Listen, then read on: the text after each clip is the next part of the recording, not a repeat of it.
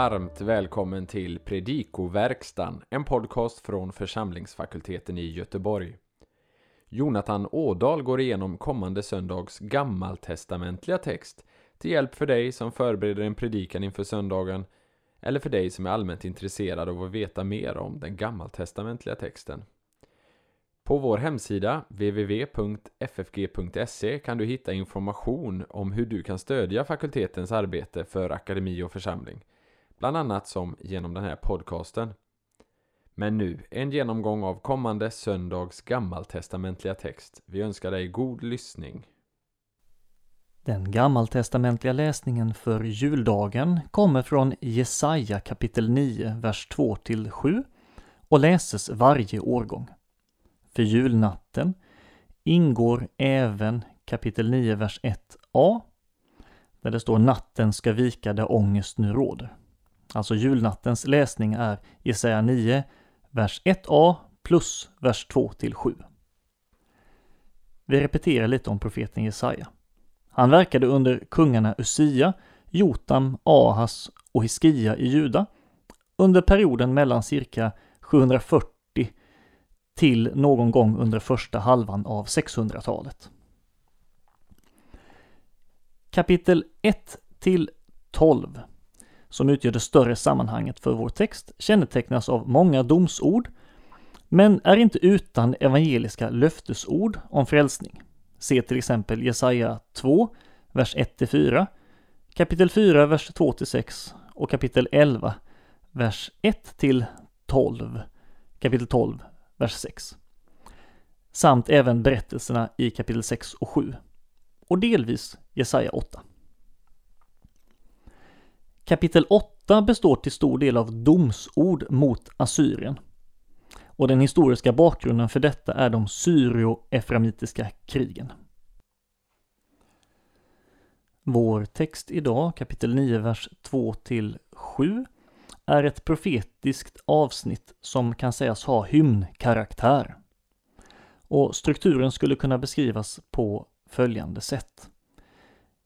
I kapitel 8, vers 23 ges en lägesbeskrivning och det är nära sammanbundet med resten av kapitel 8.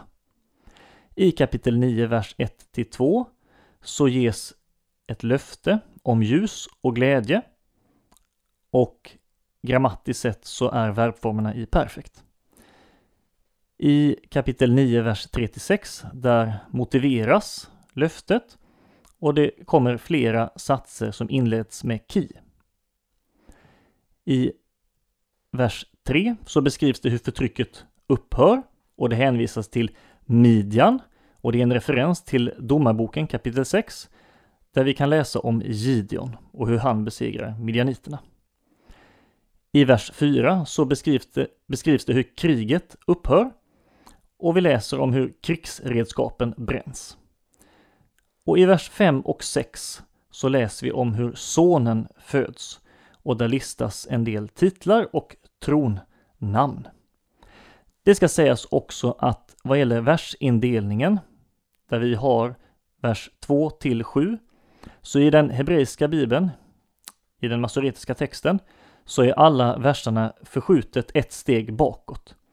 Så att vårt kapitel 9, vers 1 är i hebreiska bibeln kapitel 8, vers 23.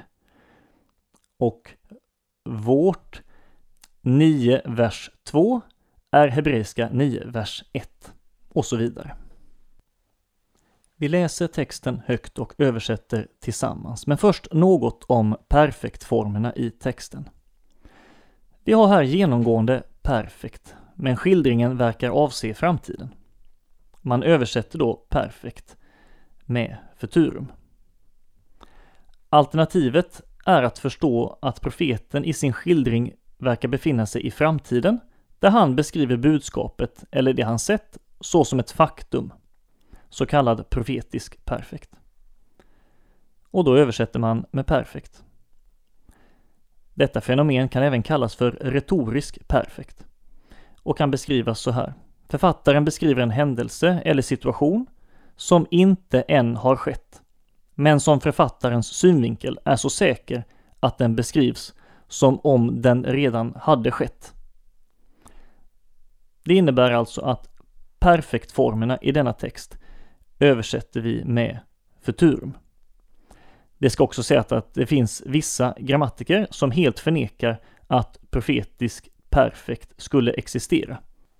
Kapitel 8, vers 23, det som motsvarar 9.1a för julnattens läsning. Ki lo moaf la asher mozak la. Ty, inte mörker ska det vara för dem som är ängsliga, eller ty det är eller ska inte vara mörker för den som det var ångest för henne, eller ty det är eller ty det ska inte vara mörker där som det är ångest för henne. Eller ty mörker ska inte vara där det nu är ångest. Kaet Harishon Hakel Hekal Artsa Zevulon V Artsa Naftali. I den första tiden bringade han vanära till Sebulons land och till Naftalis land. V Hich Bid Derech Hayam. Och i det sista eller den yttersta kommer han bringa ära eller orsaka att bli hedrad till havsvägen. Ever, Ever Hajarden bortom Jordan. Gelil Hagojim. Folkens Galileen Kapitel 9 vers 1 motsvarande svensk översättning 9.2 Ha'am Haholechim Behoshech Ra'u Or Gadol. Folket vandrande i mörkret. Alltså folket som vandrar i mörkret. De ska se ett stort ljus. Normalt sett så hade perfekten översatts med de såg eller de har sett. Men här väljer vi futurum. De ska se ett stort ljus. Josheve beerets tsalmavet Or Naga Alehem. Det sittande, det boende i dödsskuggans land eller i djupa mörkrets land. Ett ljus ska lysa över dem. Vers 2 i hebreiskan, svensk översättning 9, vers 3. Hirbitha Hagoy Lo Higdalta Hasimcha du ska göra folket talrikt. Och här får vi två varianter beroende på om man följer konsonanterna och läser lo, alltså lamed alef, eller om man följer som masoreterna föreslår i marginalen och läser lo, alltså lamed vav. Antingen blir det Du ska inte göra glädjen stor. Eller Du har gjort glädjen stor för honom eller för det. Samechu lefanecha Kesimchat Bakatsir Det ska glädja sig inför dig som glädje vid skörden Kaasher Yagilu Bö Halekam Shalal. Så som eller när de är glada medan de delar upp bytet. 9.3 motsvarande 9.4 i svensk översättning. Ki eth ol Shubalo v'eth mate shichmo.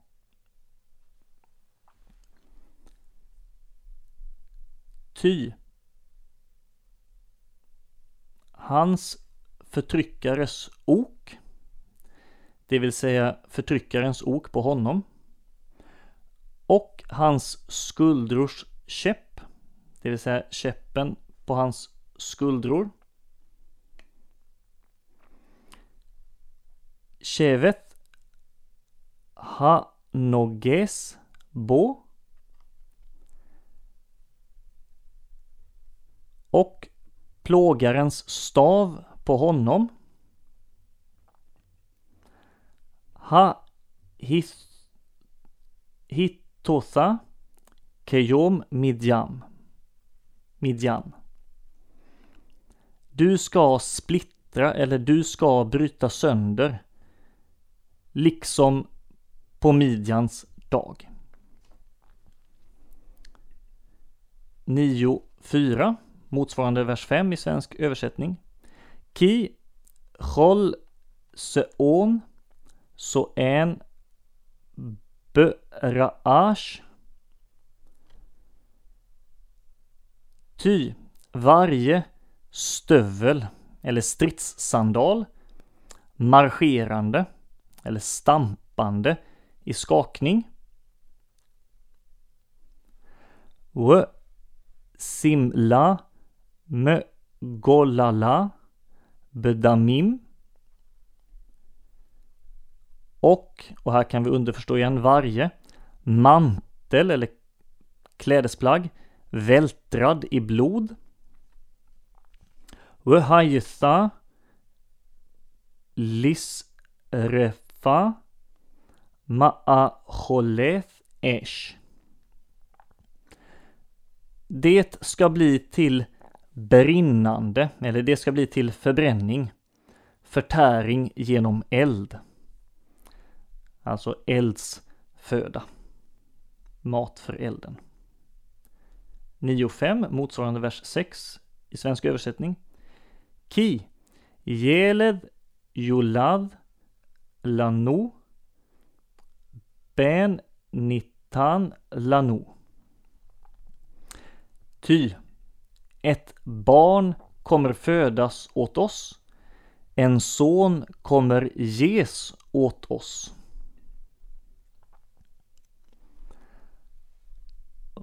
Va tehi ha misra al shichmo Väldet, eller herradömet, har lagts, eller är på, eller kommer vara, på hans skuldror.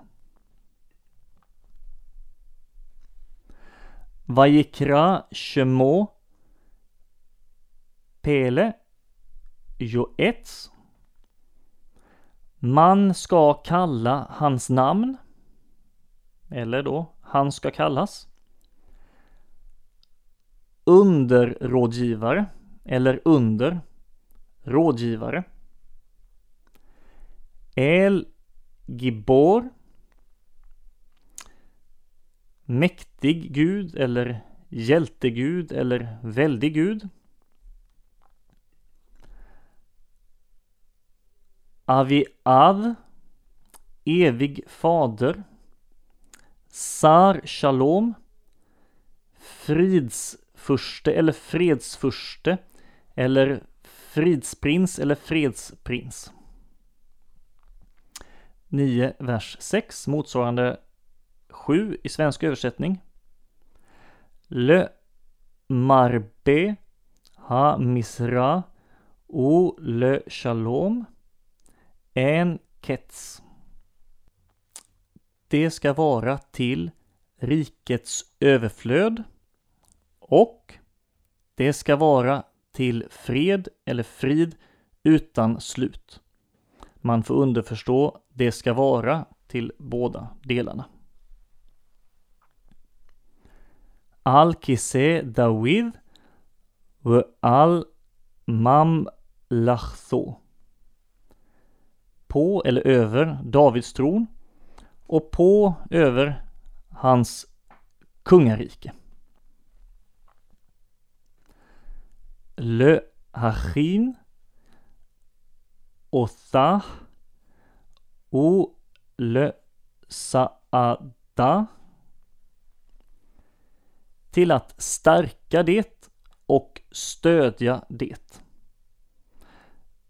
Bö Pat o bitsdaka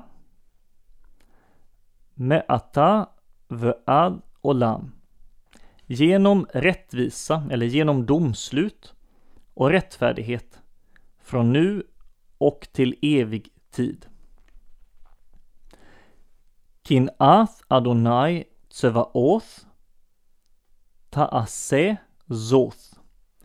Herren Sebaots nitälskan, i nitälskan ska göra detta. Några detaljkommentarer. I vers 1, motsvarande då så svenskt vers 2, så står det Ha'am Ha'holechim Bachoshech Ra'u Or Gadol. Och detta är då ett constructio ad sensum där attributet rätta sig efter huvudordets betydelse istället för form. Vi har ju ha'am och sen ha'holechim. Ha'am är singular och Holechim är particip maskulinum plural. Och folket är ju då i kollektiv betydelse. Vi har också frasen Yoshve be'eret Zalmaveth. Här följer prepositionsfrasen nomenet i status constructus istället för att föregå den. I vers 3 motsvarande svensk översättning vers 4 så märkte vi redan i översättningen detta med lo, alltså negationen lo med lamed alef, inte som det står i texten, men masoreterna föreslår i marginalen i Masora Parva att man ska läsa lo, alltså lamed vav, det vill säga prepositionen lö och sen pronominalsuffix tredje maskulinum singulars åt honom. Vers 4 motsvarande svensk vers 5. Man skulle där kunna förstå participet zoen som syftande på den som bär skon och översätta då en som bär skor, det vill säga soldaten i detta fall. I samma vers hade vi damim, alltså plural av dam som betyder blod. I plural, alltså damim, så betyder det utgjutet blod och i singular dam som betyder blod i kroppen. I samma vers har vi verbet vhayetha och det har egentligen flera subjekt, men det rättar sig efter det närmaste ordet. Alltså simla, mantel eller plagg. I vers 5, motsvarande svensk vers 6, så har vi de olika gudomliga titlarna. Och den första, eller de två första, så kan vi se många olika översättningar. Alltså Pele Joets. Det kan förstås som en konstruktusförbindelse och översätts då till exempelvis underbar i råd eller mirakelplanerare eller planerare av under. Om man förstår det som två titlar så översätts de var för sig, det vill säga under respektive råd. Bibel 2000 har här allvis härskare, medan folkbibeln både 98 och 2015 har under och sen rådgivare. Och 1917 har den igenkännbara underbar i råd. Vi har sedan titeln El Gibor som Bibel 2000 översätter med gudomlig hjälte. Medan folkbibeln har mäktig Gud och 1917 har väldig Gud. Vers 6 motsvarande svensk vers 7. Där har vi ett märkligt fenomen. Vi har ett slutmem inne i ett ord. Le marbe, som översätts till överflöd. Detta är troligtvis på grund av ditografi i avskriften och i den masoretiska texten i Masora Parva i marginalen så föreslår masoreterna att man ska läsa det som ett vanligt mem. Jesaja 9 används på flera ställen i Nya Testamentet. Hänvisningarna nu kommer till den hebreiska texten. 8.23 och 9.1 används i Matteus 4.15. Det är där det står i kontexten att det skulle uppfyllas som var sagt genom profeten Jesaja och så hänvisas det, hänvisas det till Sebulons och Naftalis land och sjövägen och landet på andra sidan Jordan, hedningarnas Galileen. Och så står det i vers 16 i Matteus. Det folk som sitter i mörker ska se ett stort ljus och för de som bor i dödens land och skugga ska ett ljus gå upp. I Johannes 2, vers 11 så hänvisas det i, på ett subtilt sätt till 8.23 och kanske även 9, ja 9.1 i svensk översättning. Där det står att detta var de första tecknen som Jesus gjorde. Han gjorde det i Kana.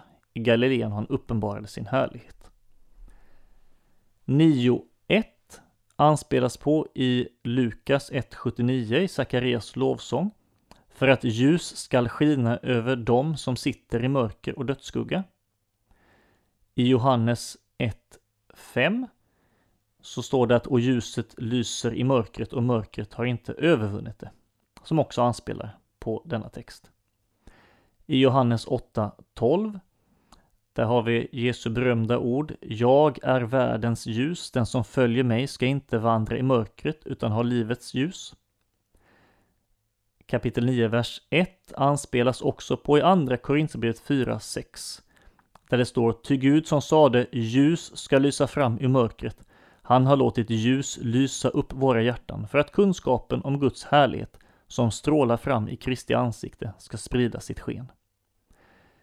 9.2 anspelas på i Johannes 4.36 där det står Redan nu får den som skördar sin lön, han samlar in frukt till evigt liv, så att den som sår och den som skördar kan glädja sig på samma gång. Och 9.5 anspelas på i Fesebrevet kapitel 2, vers 14, där det står Ty han är vår frid, han som gjorde dem två till ett och rev ner skiljemuren. Och 9, vers 6 anspelas på i Lukas 1.32 där ängeln säger han ska bli stor och kallas den högstes son. Herren Gud ska ge honom hans fader Davids tron. Något om kyrkoåret och predikan. Jesu födelse är rubriken för juldagen och texten har kopplingar tillbaka till det sjunde kapitlet i Jesaja bok, vers 14, där löftet gavs om jungfrun som skulle bli havande och föda en son som skulle få namnet Immanuel, Gud med oss. Dessa löften som ges i Jesajas text uppfylls i Kristus och det är ytterst sett samma son som avses i både Jesaja 7.14 och här i Jesaja 9. Man kan på denna söndag utlägga de gudomliga namnen. Titlarna tillskriver barnet gudomliga attribut och visar att barnet som ska födas är mer än bara människa. Messias är Gud själv.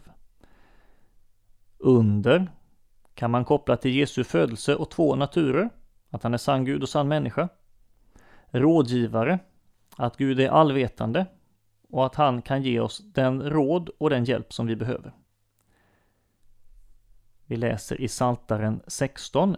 Jag prisar Herren som ger mig råd. Mäktig Gud. Messias är Herren själv, som är sann Gud och sann människa. Och denna titel, El Gibor, kan vi jämföra med and andra titlar som Immanuel eller exempelvis El Shaddai. Evig fader, att denne son är av evighet och han har fadersomsorg om de sina. Och fridsförste, att han är den som skapar och bringar fred och harmoni. Det hebreiska ordet shalom betyder frid i bemärkelsen inre frid såväl som yttre fred och kan ibland översättas framgångsrikt med just harmoni. Ja, Kristus är inte bara den som upprättar sitt fridsrike genom nådens medel. Han är själv vår frid. Som vi kunde läsa i Efesierbrevet. I texten så rör vi oss mycket i tematiken kring mörker och ljus. Och man kan koppla detta till Johannesprologen, där vi läser om ljuset som lyser i mörkret och mörkret som inte övervunnit det. Och där vi läser om Johannes, som kom för att vittna om ljuset, men själv inte var det. Och det sanna ljuset som ger ljus åt alla människor som skulle komma till världen. Till den här tematiken av mörker och ljus, så i den historiska kontexten av Josaja 9 så vet vi att Israel var plågade av assyrierna. Tillståndet som Israel befann sig under kan karaktäriseras av ett mörker i yttre mening. Och detta mörker i yttre mening speglar Israel i inre mening, det vill säga Israel hade avvikit från Herren och det kan beskrivas som ett andligt mörker. Så hoppas vi att denna genomgång får bli till hjälp och välsignelse för dig som har lyssnat. På vår hemsida www.ffg.se kan du hitta information om hur du kan stödja fakultetens arbete, bland annat som genom den här podcasten. Ett sätt att stödja är att skänka en gåva genom Swish. Församlingsfakultetens Swish-nummer är 123 100 8457. Alltså 123 100 8457. Mottagaren som anges är Peter Isak Bens utbildningsstiftelse. Märk gärna gåvan FFG Podcast om du vill stötta just denna podden. Så önskar vi dig allt gott och Guds välsignelse.